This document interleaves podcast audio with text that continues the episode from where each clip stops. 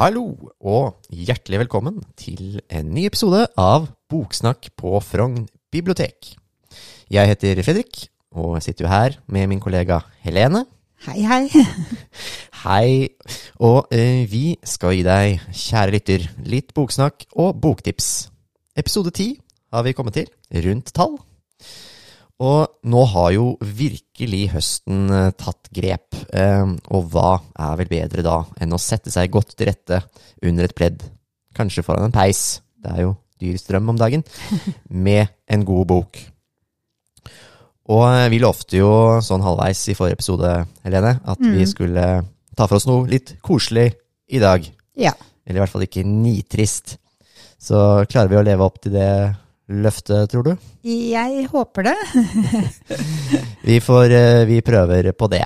Ehm, så da eh, gir jeg egentlig bare ordet til deg, eh, Helene, og boka du skal fortelle oss om. Ja, så fint.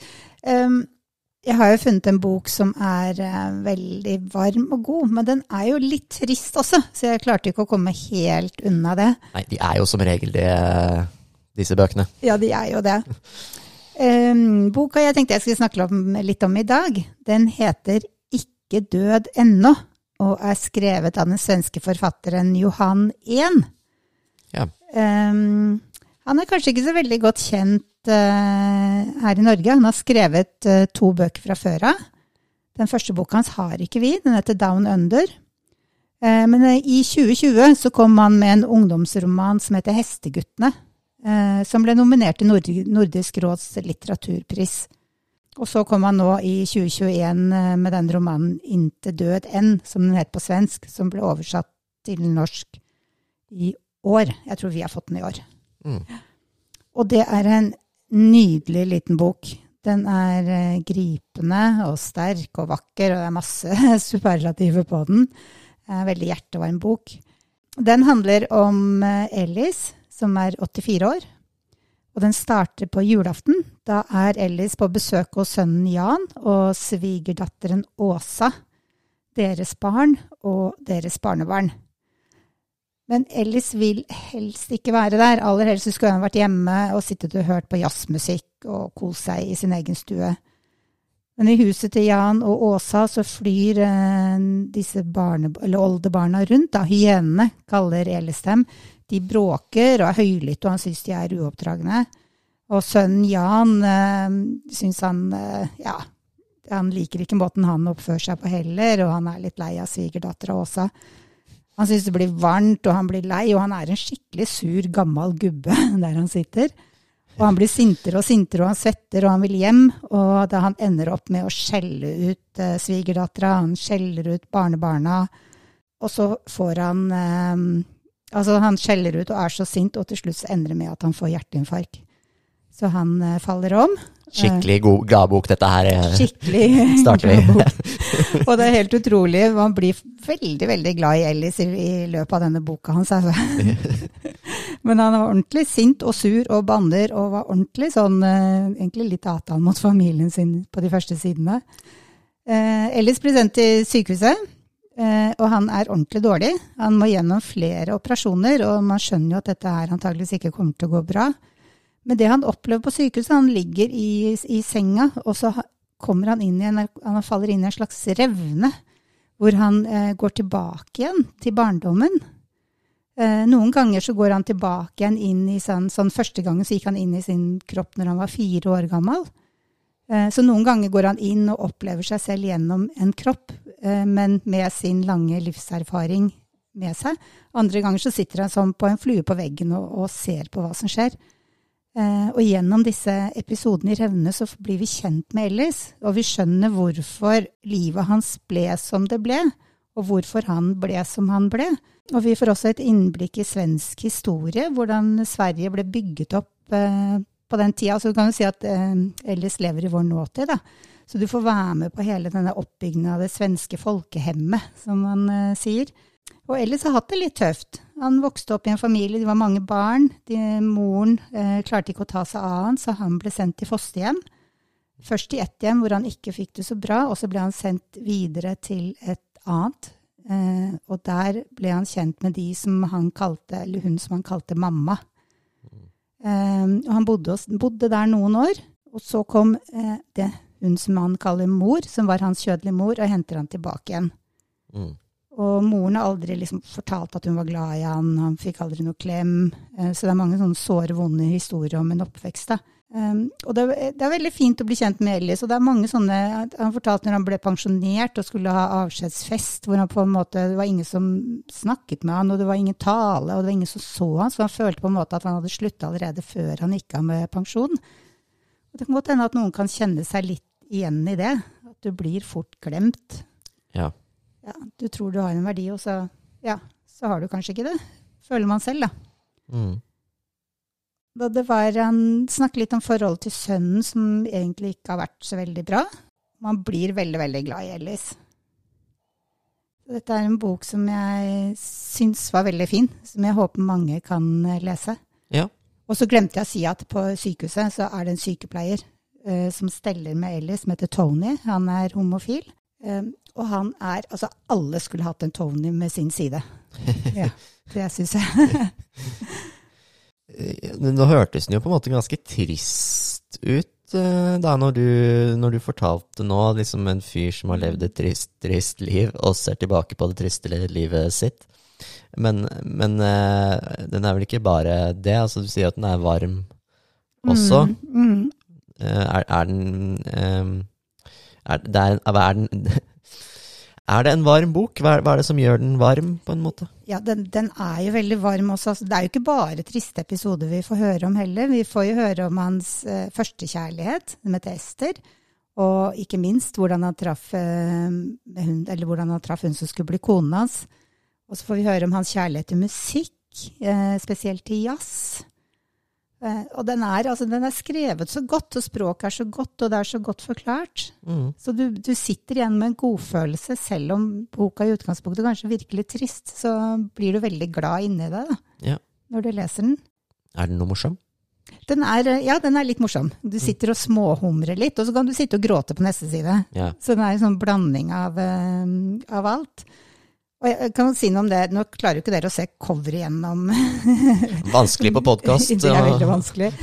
Men coveret på boka, det er også sånn veldig sånn ja, 60-tall, 70-talls kanskje, i Mm. fargene. Og så er det veldig sånn varmt og godt, og er, du finner et piano, du finner en trompet, er det vel? Eller er det trombone? Eh, Det høres litt ut som en sånn slags hybrid av eh, hva skal man si, tidsreise og, og Christmas Carol, eller altså jule, en julefortelling da, av Charles Dickens. Ja, altså det er jo, tidsreise er det jo. Ja. Men uh, Charles Dickens, nei. Uh, det er jo ikke en julebok. Det er, her er ikke en bok jeg, selv om den starter på julaften, Mm. uh, så ville jeg aldri satt den boka blant julebøker. Nei, men ten, nå tenker jeg på altså, Ebenezer Scrooge, som på en måte ser disse episodene fra, fra, fra livet sitt. Da. Sånn, ja. ja. Både fortid, nåtid og fremtid, på en måte. Så, det- Ja, eh, ja, og, en, og en, derfor endrer seg. Ja. Ja, ja, det kan jo kanskje sammenlignes litt. Jeg er litt sånn uh, usikker på den. Jeg tenkte først når du sa det, at du tenkte på med jul og sånn. Jeg synes ja. den boka starter på julaften, men uh, nei. Nei. uh, og så er det noen som har sagt at den jo minner om en mann ved navn Ove. Mhm. Som jo også handler om en sur gammel mann som ikke liker noen. Mm. Uh, kjenner du igjen uh, det? Ja, altså, eh, jeg leste jo en mann med navn Ove da den kom for noen år siden. Mm. Den likte jeg også veldig godt. Og jeg tenkte på den boka når jeg leste boka til Johan igjen. Mm. Men det, men det er ikke noen sånn sammenligning for øvrig, annet enn at begge skriver om gamle, sure gubber. Ja. Og hvordan det går med dem, da. Men de er, de, jeg syns de var like gode, begge to. Ja. Mm. ja, det kan være gøy med sure gamle gubber. Ja, ja, ja. Du blir veldig glad i dem. Eh, Jeg tenkte på, altså, ja, Den forrige boka hans fikk jo mye god kritikk, altså 'Hesteguttene', Mm. um, som jo er en ungdomsroman, men Mm. den er vel også på en måte brukende for, for voksne også. Absolutt. Mm. Um, og dette er jo da hans første voksenbok. Um, merker du liksom det? Nå merker du noe forskjell? Nei, eh, nå har jeg lest 'Hestegutt', men det er nå, eh, også en stund siden, for den, det var da den kom ut. Mm. Eh, og ja, kanskje den er, skrevet, den er skrevet litt enklere, men samtidig sånn, nei, jeg merker ikke den Hesteguttene, den er, den er også kjempefin. Mm. Um, jeg kan jo kort si bare at den handler om også to historier, da.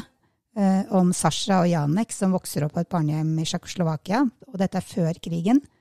Eh, De uh, stikker eh, hjemmefra der hvor de bor, og jobber på et sirkus med akrobatikk på hesteryggen. Og så oppdager de at de er, eh, blir forelska i hverandre. Og dette er og det, da befinner de seg i Berlin, og dette er eh, samtidig som nazistene kommer til makten.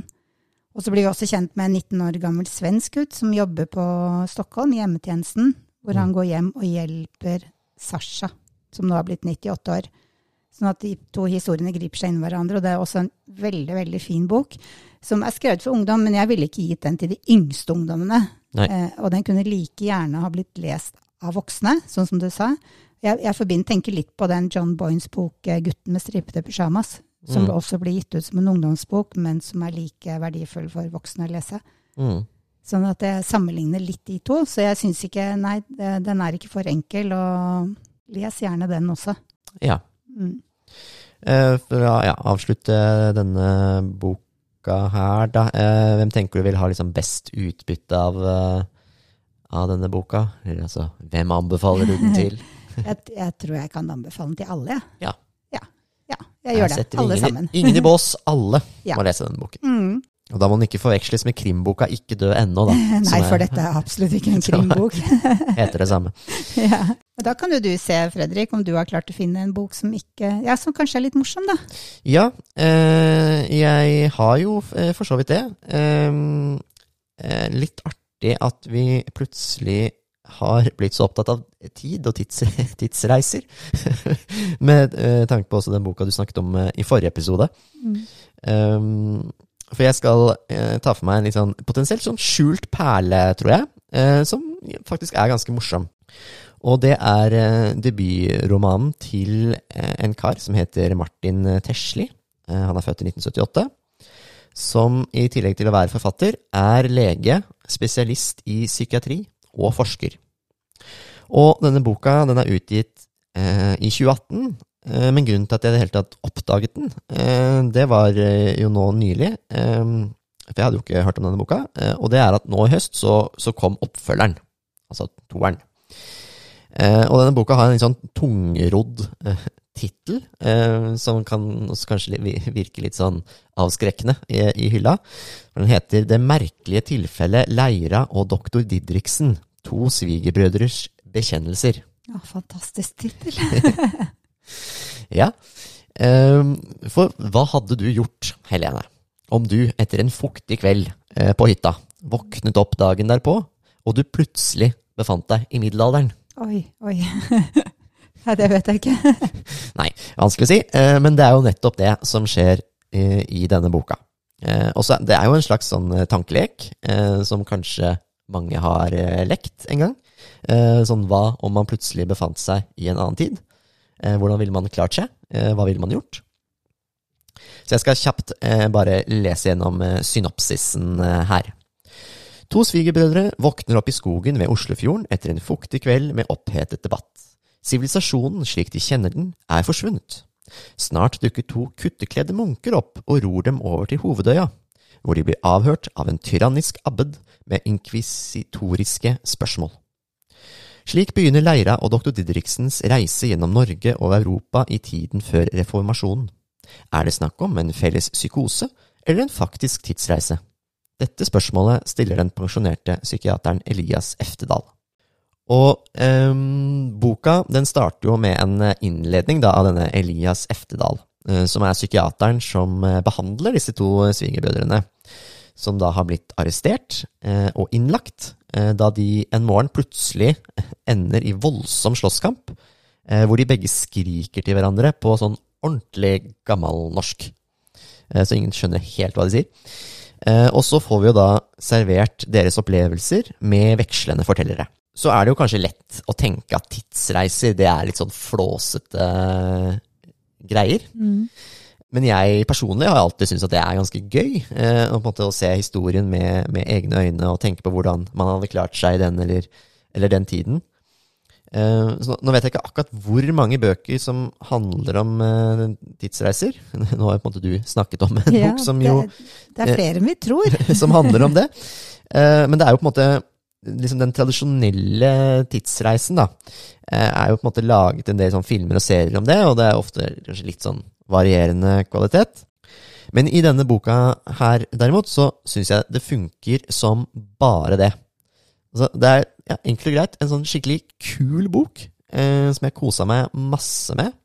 Ja, da kan jeg bare fortelle, jeg, Vi sitter her på kontoret, og Fredrik satt og leste i boka, og så hører han sitter og ler og koser seg. Og tenkte jeg bare yes, det må være bra. Ja, jeg må bruke litt kontortid på å lese om dagen, siden jeg jo eh, har en ganske liten baby hjemme, så jeg får Ja. ikke noe tid til å lese på fritiden. Så um, da må jeg sitte litt på kontoret for å, for å holde meg litt oppdatert. Men eh, ja, nei, boka den, den er smart. Eh, den er veldig godt skrevet. Eh, morsom, eh, som jo nå Helene kan eh, bekrefte. Mm. Og så er det jo en tid i Norges historie som man kanskje ikke hører så mye om, og som vi da måtte få oppleve gjennom nåtidens øyne, da. Og så er det jo mye av handlingen som foregår eh, på Hovedøya eh, utenfor Oslo.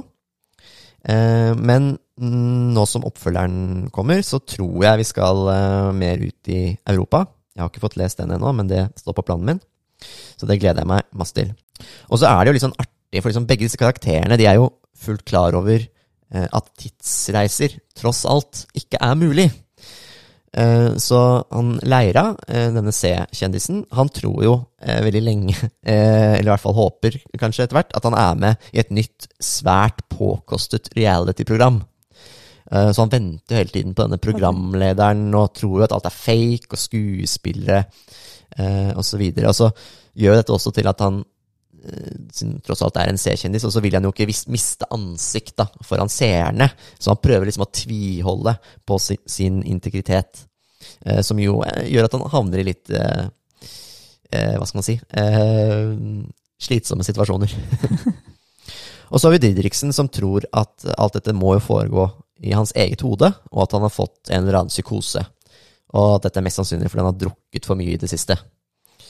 Eh, Så han også på en måte prøver å tviholde på sitt normale jeg, da, for å liksom komme ut av psykosen. Så liksom de begge på en måte oppfører seg jo som om de er i, i, altså i, i nåtiden, i møte Ja. med Fortiden. fortiden. Mm. Som jo ender opp med ganske morsomme, en del morsomme situasjoner.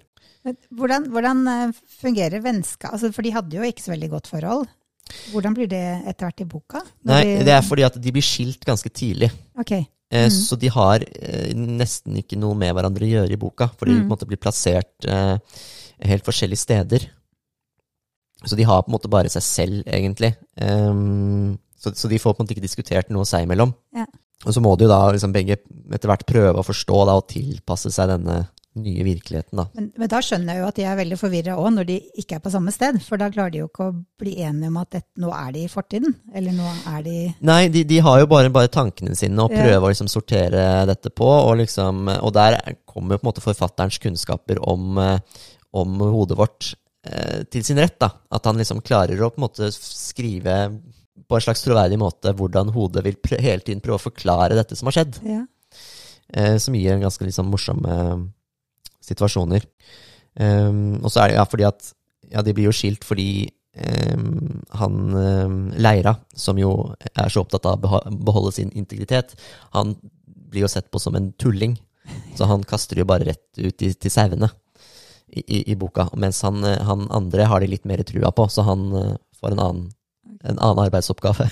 Det, men det, det må jo være et mareritt å havne tilbake i den tida, i hvert fall når du ikke skjønner at du på en måte har vandret i tiden, eller, og du prøver å være ditt 2020 Ja, du prøver jo å bruke fornuften til å, til å forstå dette, da, Ja. og det går jo ikke. Så, så ja, det blir, det blir flere morsomme episoder i, i boka, og så, ja, så viser de selvfølgelig helt inn til forskning og holdninger i samfunnet som jo ikke eksisterer ennå, eh, som jo gir oss en del forviklinger. Men altså, Didriksen han, han blir jo etter hvert lagt merke til, eh, siden han er jo lege. Um, og jo da tross alt måtte besitte jo ganske mye mer legekunnskap enn datidens leger, eller barteskjærer, da, som de blir kalt. Og så blir han jo etter hvert tilkalt til eh, Akershus festning, Eh, og der er det en episode hvor han må behandle en ganske høytstående person, eh, som han jo mistenker har eh, lungebetennelse. Og så er han jo ikke praktiserende lege, han Didriksen, så han må hele tiden prøve å liksom huske hvordan dette her, hvordan man gjorde disse tingene. Eh, og så må han jo da gjøre undersøkelser, da, helt uten hjelpemidler. Og prøve da hele tiden å, å huske liksom fra lærebøkene hva, hva betyr det når, man, når, når pasienten er sånn og sånn. Eh, og så eh, finner vi ut at denne pasienten trenger jo antibiotika, eller penicillin. Ja, det fantes kanskje ikke da? Det fantes ikke da, så han må prøve å huske hva er det egentlig, hvordan ble penicillinen oppfunnet. Så skal man prøve å lage penicillin på nytt, som blir ganske, ganske morsomt. Eh, sånn for å hjelpe denne syke jenta, da. Så ja, litt for, for å runde opp. Eh, den har vel, ettersom jeg har forstått, måtte fått litt sånn, sånn kultbokstempel. Mm. Og den er litt sånn um, annerledes. Eh, men jeg anbefaler den veldig. Jeg syns det var en herlig bok.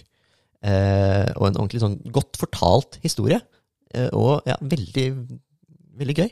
Ja, det er litt, litt rart at ikke flere har oppdaget den. Ja, Vet du hvorfor? hvorfor ikke? Nei, jeg hadde jo ikke oppdaget den uh, selv heller. Jeg, jeg vet ikke, jeg tror ikke den har um, Har vel kanskje ikke blitt markedsført så voldsomt. Mm. Da hjelper du litt til her. Da, da tar jeg på meg den jobben. Ja, bra. Eh, og heller ikke hatt noe stor si, spalteplass eller altså, hylleplass i, i, i bokhandlene. eh, og sånn, For det er jo gjerne sånn at mye av det nye som kommer, blir jo satt veldig tydelig frem, mens andre ting kanskje bare går rett i en eh, hylle. Mm. Uh, så jeg aner ikke hvor mye denne boka er solgt, eller sånt. Så jeg tror, kan, tror ikke det er så voldsomt mye. Ja, veldig glad du tar en sånn bok. Jeg, jeg fikk lyst til å lese den selv. Og særlig sånn der med tidsreiser, det er sånn som jeg syns er innmari spennende. Og tenk av og til, hva ville jeg, hvordan ville jeg reagert hvis jeg hadde havna tilbake i en eller annen tid? Ja, og så ja, funker det så godt. Det, det, det, ja. Så du syns den er både realistisk og tidsriktig og Ja, hvor realistisk um, Jeg syns Nei, det er vanskelig å si, men, men, men du kjøper den jo, og så er det jo på en måte hele tiden det der med at er det en psykose, eller er det virkelig Er det faktisk en tidsreise? Eh, for det blir jo på en måte behandlet som at det er en psykose. Ja, spennende. Og så hvor tidsriktig? Vanskelig for meg å si, men, men eh, jeg, det, dukker jo opp en del personer fra virkeligheten eh, her. Og dette var jo under dansketiden. Mm. Så jeg har inntrykk av at han har, gjort, eh, har, stor kunnskap om, om denne tidsperioden, og har gjort eh, researchen sin godt. Um, om hvordan forholdene var. Eh, sånn som jeg ante jo Jeg vet ikke så mye om Hovedøya, for eksempel, men jeg ante ikke at det lå et stort kloster der, for eksempel. Mm. Men det vet jeg jo nå. Det vet du nå. du får ta en tur til Hovedøya til sommeren. Jeg får gjøre det. Men det, bare det, jeg skulle gjerne tatt opp den når du satt der og humra og lo når du leste boka, for bare det er nok til å kunne selge den til mange. Man trenger, Av og til så trenger man noen sånne bøker som man kan humre og le litt av. og Ja, altså som er litt sånn tøysete, men også på en måte ordentlige, da. Um, og en, en medrivende historie. mm. Det er deilig når du Ja. finner sånne, sånne bøker. Ja, så hør på Fredrik, dere. Hør på meg, det pleier jeg å si til folk. Der var det noe mer du lurte på om denne boken, eller har vi Nei, jeg tror- dratt igjennom det meste nå? Ja, jeg tror jeg kommer til å bruke lang tid på å huske hva den heter. Um, Ja, jeg så jeg tror det. kanskje du må si det en gang Husker til, det knapt uh, sjøl. hvis du finner den. Eh, Men vi har jo, på biblioteket vårt så stiller vi jo ut de bøkene vi snakker om i podkasten òg, sånn at dere kan jo finne det Hvis ikke den blir lånt ut, da, så står den der. det gjør den. Eh, så ja, vi har en egen liten hylle for de bøkene vi snakker om her på pod podkasten. Ja, boka heter 'Det merkelige tilfellet Leira og doktor Didriksen'. Og så er på en måte undertittelen 'To svigerbrødres bekjennelser'. Ja. Da må dere huske den. Og så må dere huske den 'Ikke dø ennå', da, av Johan 1. Ja, lettere tittel å huske. Den er mye lettere. Mm. Det merkelige tilfellet Leira og doktor Didriksen. Noter det, skriv det ned. Eller spør oss når dere kommer innom her. Det kan man også gjøre. Ja.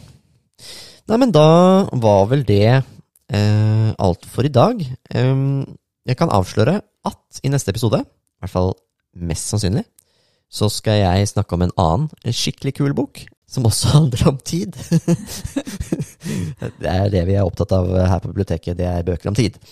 Um, ja, Så den kan jo minne litt om den boka jeg snakket om i dag. Um, og så er den jo også på mange måter en sånn slags uh, tankelek. Uh, og den kom i sommer og fikk strålende kritikk. Den heter Anomalien. Og så er det et uh, forfatternavn som jeg nok neppe klarer å uttale riktig, men Hervé Le Tellier. Noe sånt. Så om du, kjære lytter, vil forberede deg til det, så det jo, kan du jo bare sjekke ut den sånn i mellomtiden. Ja. Jeg har ikke bestemt meg ennå, så jeg kan ikke komme med tips til hva jeg snakker om, hvis ikke vi begge skal snakke om boka di. Det kan vi jo se på. Det kan fort, uh, fort hende, det. Mm. Det er bare å glede seg til det. Men tusen takk for at du hørte på. Trykk gjerne følg, abonner eller subscribe, så får du en notifikasjon når det dukker opp en ny episode. Ja. Men da avslutter vi her fra Frogn bibliotek. Ha det bra. Ha det bra.